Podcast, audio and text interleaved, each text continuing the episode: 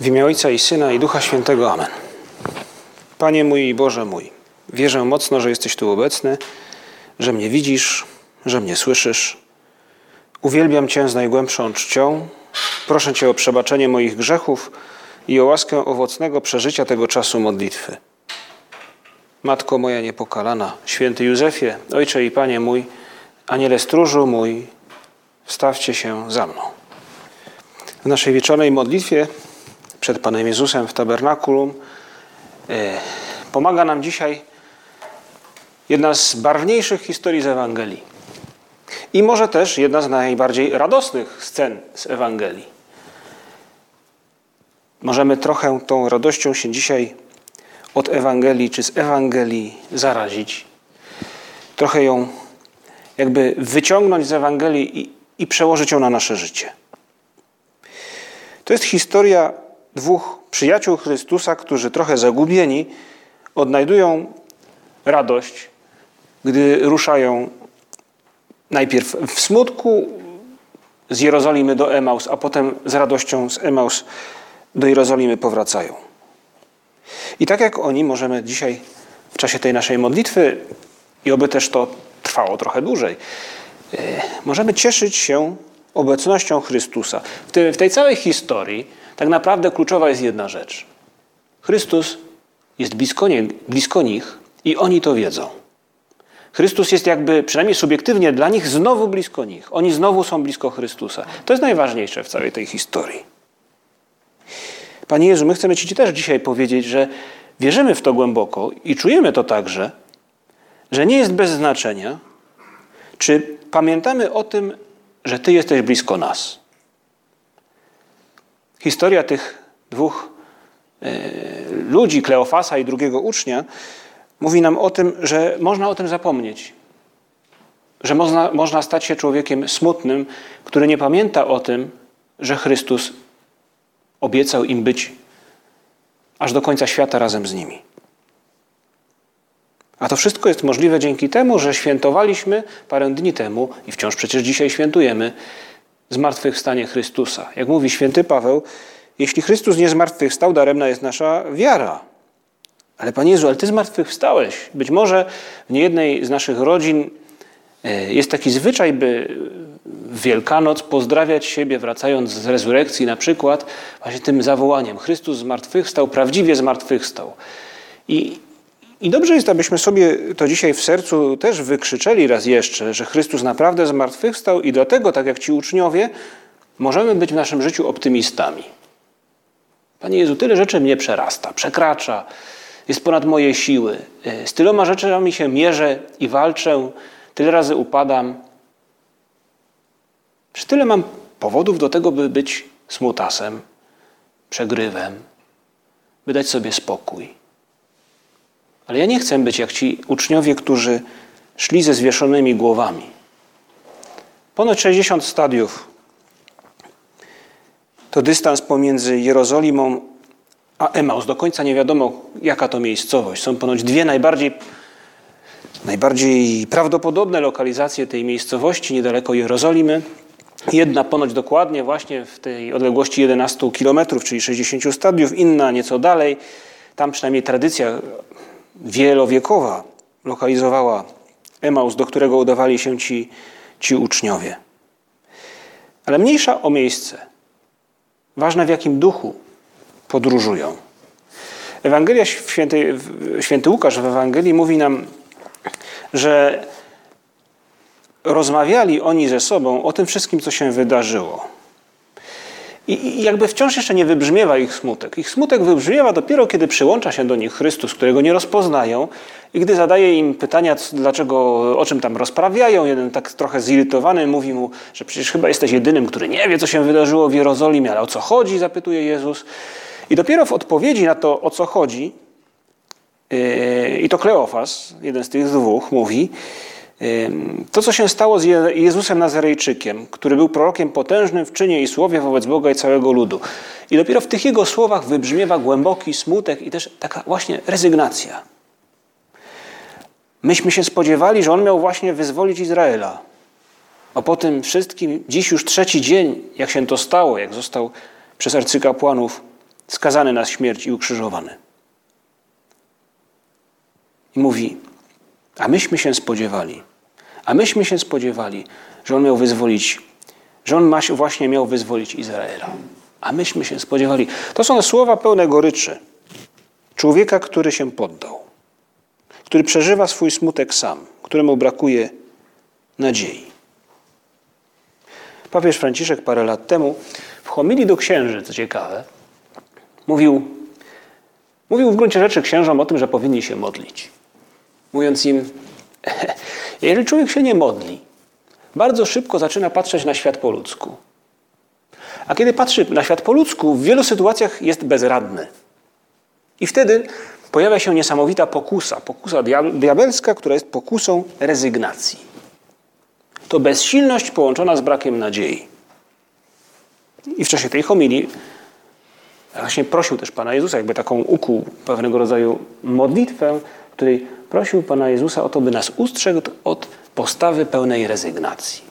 My też, Panie Jezu, dzisiaj prosimy Cię o to, byś pomógł nam spotkać Ciebie na tej drodze, na naszej drodze do Emaus, która jest drogą naszego życia, naszych zajęć, naszych przyjaźni, naszych, naszych zainteresowań, naszych pasji różnych. Tego życia, które po ludzku jest fascynujące, ale wo wobec którego jesteśmy też nie, nie jeden raz bezsilni, słabi. I zmartwychwstanie nam mówi, że Ty możesz być z nami i że w tym naszym życiu towarzyszysz nam swoją łaską. Święty Josemaria tak widział tę scenę. To jest jego interpretacja, tak jak też interpretację każdy z nas może w pewnym sensie może wyobrazić sobie tę scenę na swój sposób.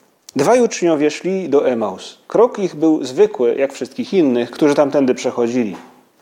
Tam też w sposób najzupełniej naturalny pojawia się przy nich Jezus i idzie wraz z nimi, prowadząc rozmowę, która uśmierza zmęczenie. I opisuje okoliczności, tak jak on sobie to wyobraża, ten szlak poprzez pola, poprzez gaje oliwne, e, jak światło przenika przez gałęzi. My też możemy sobie wyobrazić tego Pana Jezusa, który właśnie spotyka, spotyka uczniów, spotyka nas na drodze naszego życia. Ale to, co jest piękne w tej historii, to przynajmniej określenie świętego Josemarii, że jest to rozmowa, która uśmierza zmęczenie. Jest to obecność, która wprowadza pewien ład, pewien pokój w pełne niepokoju myśli tych, którzy de facto z Jerozolimy uciekają. Rozumie ich ból, przenika ich serca, przekazuje im coś z życia, które w nim jest. I ci, którzy mówią, a myśmy się spodziewali, zrezygnowani, za chwilę usłyszą, o nierozumni, jak nieskore są wasze serca do wierzenia. I ten dialog z Chrystusem ma jedną wspaniałą rzecz. Uczniowie stopniowo, stopniowo odzyskują jakby pogodę ducha. Można powiedzieć, że stopniowo oddalają się od tej postawy pełnej, pełnej rezygnacji dzięki zaangażowaniu Jezusa w ich sprawy. Ta historia z Emaus pomaga nam zobaczyć, że także w nasze życie Chrystus angażuje się podobnie. Mijają minuty, może godziny tego spotkania, i nagle dochodzi do czegoś wspaniałego. Oni nie chcą się z Chrystusem rozstać. I mówią mu, mówią mu zostań z nami, bo ma się już ku, ma się, bo dzień już się nachylił. Gdy on okazuje, y, jakoby miał iść dalej, oni mówią: Zostań z nami, gdyż ma się ku wieczorowi i dzień się już nachylił. Jezus zajął z nimi miejsce u stołu, wziął chleb, odmówił błogosławieństwo, połamał go i dawał im. Wtedy otworzyły się im oczy i poznali go, lecz on zniknął im z oczu. Rozpoznają Chrystusa i mówią do siebie: Czy serce nie pałało w nas, kiedy rozmawiał z nami w drodze i pisma nam wyjaśniał? To można powiedzieć, że jest szczyt tego, co działo się przez kolejne minuty i godziny ich rozmowy na drodze, pewnie też przez pierwsze przynajmniej minuty tego posiłku, do którego razem zasiedli. To jest trochę tak, jak pamiętam w laboratorium na studiach e, była taka metoda chemiczna, przynajmniej takie ćwiczenie to było, by e, zbadać e, stężenie jakiegoś roztworu. I jedną z metod badania stężenia tego roztworu było, była taka metoda, chyba się nazywała miareczkowania, czyli trzeba było kropla po kropli dodawać barwnik do tego roztworu. Kropla, kropla, kropla, cierpliwie. I w zależności od ilości barwnika, który się dodało, można było określić później stężenie tego roztworu. Ale kluczowy był jeden moment, kiedy po dodaniu jednej z wielu kropel natychmiastowo roztwór zmieniał swój kolor, barwę, odcień. I to był ten moment, który należało wychwycić i go nie przegapić. I wtedy można było właśnie, e, no, właśnie zmierzyć, prawda, wyliczyć później na podstawie różnego rodzaju równań i wzorów, jakie stężenie w tym roztworze tego kwasu, czy zasady, czy nie, nie pamiętam już czego, się znajdowało. Ale kluczowy był ten moment, by przekroczyć pewien punkt. Punkt graniczny. I coś podobnego dzieje się w tym spotkaniu uczniów z Panem Jezusem. Można powiedzieć, że atmosfera się rozgrzewa, aż w końcu powstaje w nich to pragnienie, by już się z Chrystusem, by Chrystus się jakby nie oddalił, by pozostał razem z nimi. Dlatego zapraszają go do swojego, do swojego domu, czy przynajmniej do tego, by z nimi pozostał, bo chcą z nim być dalej, bo wiedzą, że bycie razem z Jezusem, jego obecność, przynajmniej z tym nieznajomym, którego na razie do końca nie rozpoznają, że obecność tego nieznajomego to radość, to optymizm zamiast rezygnacji. Dobraczyński opisuje tę historię w swojej książce Listy do Nikodema, Listy Nikodema. Tym drugim uczniem obok Kleofasa właśnie czyni Nikodema. Faryzeusza, który, który szczerze szuka prawdy. Szczerze chce poznać, y, czy Jezus jest Mesjaszem. Ma też swoje rodzinne i można powiedzieć, że prywatne pewne problemy, ma też problem z, z ufnością wobec Boga, mm, spowodowany ciężką, śmiertelną chorobą jego żony, którą kocha z całego serca. To człowiek pełen boleści także. Ale ten człowiek y, spotyka Chrystusa, zaprzyjaźnia się z nim i później Dobraczyński stawia go właśnie w roli jednego z tych uczniów, którzy spotykają Chrystusa na drodze do Emaus. I w jego usta wkłada Dobraczyński pełne żaru słowa, można powiedzieć właśnie optymizmu i radości, gdy odkrywa, kogo tak naprawdę spotkał, gdy odkrywa, że Chrystus żyje, że Chrystus już więcej go nie opuści. Staliśmy w ciszy, a wiatr poruszał nad naszymi głowami bezlistnymi gałęźmi figi. On sięgnął po chleb, który gospodarz postawił przed nami, rozłamał go i wyciągnął po kawałku do każdego z nas. I wtedy ten jego ruch. Wszystko od razu stało się jasne. Od razu dostrzegłem, czego przedtem nie mogłem zobaczyć. Przebite dłonie i ten uśmiech, jedyny na całym świecie, uśmiech miłości, która nie ma granic. Jak ja wtedy zacząłem płakać, jak Szymon. Bo on, dawszy się poznać, natychmiast zniknął. Był i nie było go już między nami. Ale chleb został, i kubek wina, i słowa, i ta oszałamiająca radość, w jaką on zmienił naszą rozpacz. Płaczę, płaczę, gdy to piszę. Porwaliśmy się z miejsc. Słońce kąpało się w morzu, noc rozpinała się nad nami jak namiot, ale w nas była jedna przemożna rozkazująca myśl: wracać. Wracać, wracać, wracać, wracać natychmiast. Powiedzieć, powiedzieć im wszystkim, że On z martwych wstał naprawdę. Na świecie nie było już nic ważniejszego niż ta wiadomość. O niej trzeba było powiedzieć każdemu, o niej trzeba było wołać z dachu, o niej trzeba było wołać do wszystkich. Oczywiście to jest wyobrażenie pisarza. Każdy z nas może wyobrażać sobie tę historię inaczej. Także Caravaggio namalował ten wieczór, wieczerzę w Emaus, właśnie w chwili, kiedy uczniowie rozpoznają Jezusa. Jeden z nich zrywa się ze swojego e, krzesła, czy fotela, czy stołka, e, rozpościera ramiona. Chrystus jeszcze jest wciąż widoczny jest na tym obrazie, on e, z niedowierzaniem patrzy na tego, którego obecności pragnął, ale nie dostrzegał. Panie Jezu, jak ważne jest, bym ja pamiętał o Twojej obecności w moim życiu. Bym nie zapomniał o tym, o czym mówi nam nasza wiara, którą przekazali nam ci, którzy byli świadkami tego, co się wydarzyło. Jak ważne jest to, żebym docenił Twoją obecność w moim życiu, a wtedy mam szansę nie stać się tym właśnie zrezygnowanym, przegranym, smutnym uczniem, który z Jerozolimy ucieka do Emaus.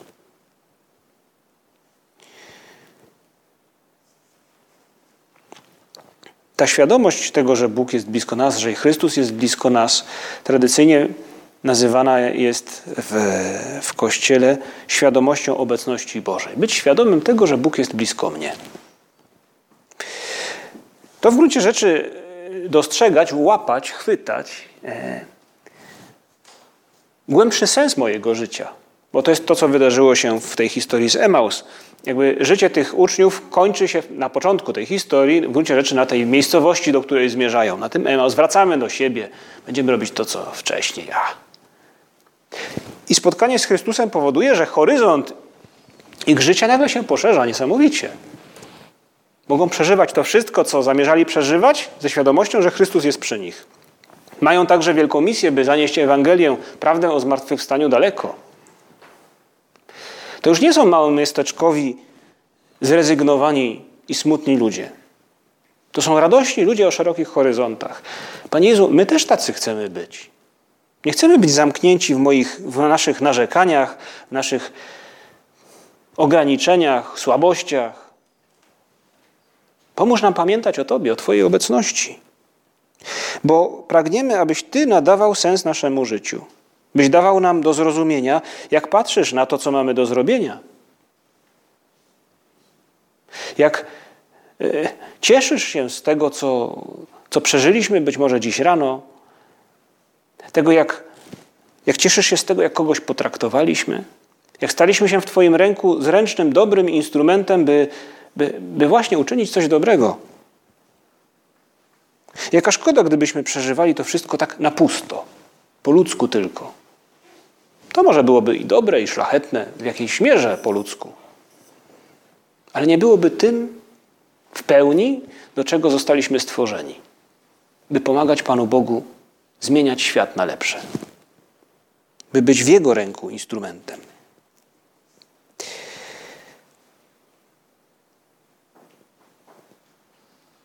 Czym jest ta świadomość tego, że Pan Bóg jest blisko? No nie jest to myślenie non-stop o Panu Bogu, bo żaden z nas no, jakby nie jest do tego po prostu nawet po ludzku zdolny, prawda? Mamy nasza wyobraźnia, pamięć są ograniczone. Ale jest to mieć gdzieś w tyle głowy właśnie ten pełny sens naszego życia. I gdy tak myślałem nad jakimś porównaniem, przyszła mi dzisiaj do głowy, przypomniała mi się piosenka, którą chyba stosunkowo niedawno także nagrała Sanach, a jest to piosenka stara. Można powiedzieć, że jest to piosenka zespołu, którego nawet ja nie pamiętam. Taki zespół dawno temu, nazywał się Skaldowie. To jest piosenka z 68 roku. I zatytułowana Wszystko mi mówi, że mnie ktoś pokochał. Słowa do niej napisał niejaki Wojciech Młynarski. Pewnie wszyscy ją kiedyś słyszeliśmy, ale słowa tej piosenki w gruncie rzeczy mówią o pewnym poczuciu kogoś, kto po prostu wie, że jest przez kogoś innego kochany. Robi różne rzeczy, ale jego życiu towarzyszy radość, bo wiem, że ktoś mnie kocha. Ktoś mnie pokochał. Świat nagle zawirował, bo ktoś mnie pokochał, pokochał na dobre i na złe. Bezchmurne niebo znów mam nad głową, bo ktoś pokochał mnie. Ktoś mnie pokochał, niech wszyscy ludzie wiedzą to, ktoś mnie pokochał na dobre i na złe. Ktoś mnie pokochał, ze snu mnie zbudził, ktoś, kto pokochał mnie. Lampa nad progiem i krzesło i drzwi, wszystko mi mówi, że mnie ktoś pokochał. Woda i ogień powtarza wciąż mi, że mnie ktoś pokochał dziś. Pomyślmy, że no, myślę, że to jest zrozumiałe. Uczucie, pewne przekonanie, właśnie świadomość kogoś, kto jest głębiej lub płycej, ale jednak zakochany. Jakże to zmienia podejście do życia, prawda? Taki człowiek potrafi iść bez, pewnie bez czapki, bez kurtki, kiedy jest mróz, e, jest w stanie pokonywać wszelkie trudności, by się spotkać z osobą, którą kocha. E, jest w stanie podejmować też większe i poważniejsze życiowe wysiłki, ofiary ponosić także. Bo jest głęboko przekonany, że ktoś go pokochał. I świadomość obecności Bożej w gruncie rzeczy to jest coś podobnego. Można powiedzieć, że wykorzystujemy pewną ludzką właściwość czy zdolność do tego, by gdzieś w tyle głowy posiadać także to przekonanie, że Bóg jest blisko mnie. Ten Bóg, ten Chrystus, który zmartwychwstał, który mnie kocha, który za mnie, dla mnie i za mnie oddał swoje życie na krzyżu. I tak jak w tej piosence, to ciekawy też tekst, prawda? Lampa nad progiem i krzesło i drzwi, wszystko mi mówi, że mnie ktoś pokochał. No wszystko, faktycznie. To ciekawe, bo to bardzo pasuje do, także do tego zwyczaju, który, do którego zachęcał nas święty Josemaria. Nawet pisze o tym e, w drodze. Mówi, stosuj budziki obecności Bożej. Przypominaj sobie o tym, że Bóg jest blisko ciebie. Budź się jakby z takiego amoku, w który czasami wchodzisz, gdy zaangażujesz się na tyle w te rzeczy, które robisz, że zapominasz o Bożym świecie. Zbudź się na chwilę od czasu do czasu, by przypomnieć sobie, że to, co robisz, ma sens w oczach Bożych. Że Bóg też towarzyszy ci, kiedy jest ci ciężko, no także kiedy jest ci, jest ci dobrze. Lampa nad progiem i krzesło i drzwi. Można powiedzieć, że każda rzecz, każda sprawa może przypominać nam także o obecności Pana Boga, tak jak w tej piosence komuś lampa i, i krzesło i drzwi przypominają o tym, że ktoś go pokochał. To może być coś, nazwijmy to świętego, jak krzyżyk, jak jakiś święty obrazek, e, taki budzik, ale może być też coś zupełnie innego. Znam kogoś, kto mi kiedyś opowiadał, że przypomina mu o obecności Bożej piłeczka od golfa. Romana Biurku. I zapytałem go, a dlaczego piłeczka od, od golfa? A nie wiem, bo znalazłem i zawsze chciałem grać w golfa, ale nigdy nie zagram. I jemu akurat przypominało o Panu Bogu. Jakoś to sobie skojarzył. Może nie musimy mieć takich skojarzeń o Panu Bogu, o Jego bliskości, Jego obecności w tym, co robimy. Przypominać nam może coś innego właśnie, może krzyż w naszym domu, czy, czy, czy jakiś obrazek, albo, albo jakaś inna sprawa. Ale obyśmy dzisiaj pomyśleli, wyobrazili sobie tę historię związaną z Emaus, także z takim praktycznym i konkretnym przełożeniem na nasze życie. Prawdopodobnie nikt z nas fizycznie Jezusa nie spotka, prawda? No, nie ukaże nam się, tak jak tym uczniom z Emaus. Ale możemy przypomnieć sobie o Jego obecności, Jego bliskości w naszym życiu właśnie poprzez takie pomoce, może nie tyle dydaktyczne, co pomoce, które uświadomią nam, że Bóg jest blisko. Bo myśmy, jak tak się rozejrzymy wokół nas, w naszych miastach, w ogóle, nie tylko w Polsce oczywiście, ale no, tradycja chrześcijańskiego narodu, można powiedzieć, wykształciła tysiące, a przynajmniej setki gestów i zwyczajów, które nam przypominają o tym, że Pan Bóg jest blisko. Pomyślmy o figurkach Matki Bożej na warszawskich podwórkach, krzyże przydrożne, modlitwa przed posiłkiem w domu. E, pamiętam w mojej rodzinnej parafii, w małym miasteczku, był też taki zwyczaj, że starsi panowie, którzy przychodzili przed kościołem, mimo że nie, nie wchodzili do niego, uchylali czapki. Tak właśnie. Można powiedzieć, że różne zwyczaje są w różnych miejscach. Tam akurat był taki. Być może gdzie indziej też są podobne. Ale można powiedzieć, że właśnie wiara chrześcijańska wprowadziła do życia ludzi różnego rodzaju zwyczaje, nie po to, żeby, nie wiem, zawładnąć terytorium w jakiś sposób, ale po to, by nam, chrześcijanom, przypominać o tym, że Pan Bóg jest blisko że Jezus żyje, że Jezus zmartwychwstał i żyje. Jest obok mnie, gdy pada i gdy świeci słońce. Panie Jezu, pragniemy iść w Twoim towarzystwie w naszym życiu. Pragniemy, by nasze życie było pełne i radosne, jak tych uczniów, którzy wracają z Emaus, a nie jak to życie smutne i pełne rezygnacji, gdy do niego do, do Emaus dopiero zmierzają. Jak sobie o tym przypominać? No właśnie, może to dobry, dobry dzień dziś, by, gdy mamy jeszcze świeżo w pamięci i tę hojność Pana Jezusa wobec nas z Wielkiego Piątku i też radość uczniów, którzy widzą Chrystusa zmartwychwstałego, może to dobry, dobry dzień, by sobie coś postanowić takiego konkretnego, by, by tę radość podobną do nich, do ich radości w sobie jakoś ożywiać za pomocą tych, jak mówił święty Josemaria, budzików obecności Bożej. Jakże inna będzie wtedy nasza praca nauka, nasze zajęcia codzienne, gdy uświadomimy sobie, zanim się do nich zabierzemy, że dla Pana Boga to, co za chwilę zrobię, ma duże znaczenie. Że patrzy na to, na ten esej, który mam do napisania, ten tekst, który mam do przeczytania, ten, te równania, które mam do przeliczenia, czy ten kod, który mam do napisania. Pan Bóg patrzy na to z nadzieją. Bo jest to element świata, fragment świata, który może stać się lepszy, w którym ufa, że zrobię to dobrze. Może to dobra okazja, by sobie pomyśleć wtedy, zanim się do czegoś zabierzemy, Panie Jezu, zróbmy to we dwóch. To święty Jan Paweł II miał taki zwyczaj, możemy to naśladować albo i nie, ale widziałem jeden jego rękopis, rękopis, nie pamiętam już którego z dokumentów, e, jednej z jego książek, e, ale już jako papieża.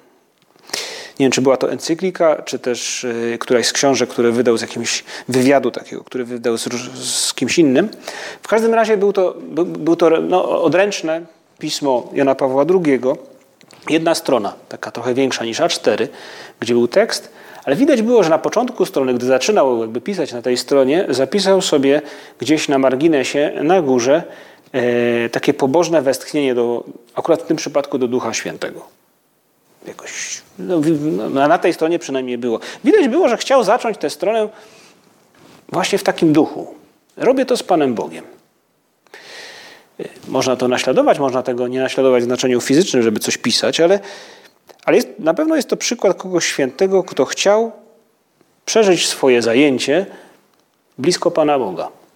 Choć z pewnością zaangażował całą swoją wyobraźnię, pomysłowość, także jakiś kunszt literacki pewnie w to, by i jeszcze później wysiłek, by, by, by, by ręcznie w tym przypadku napisać e, czytelnie te słowa.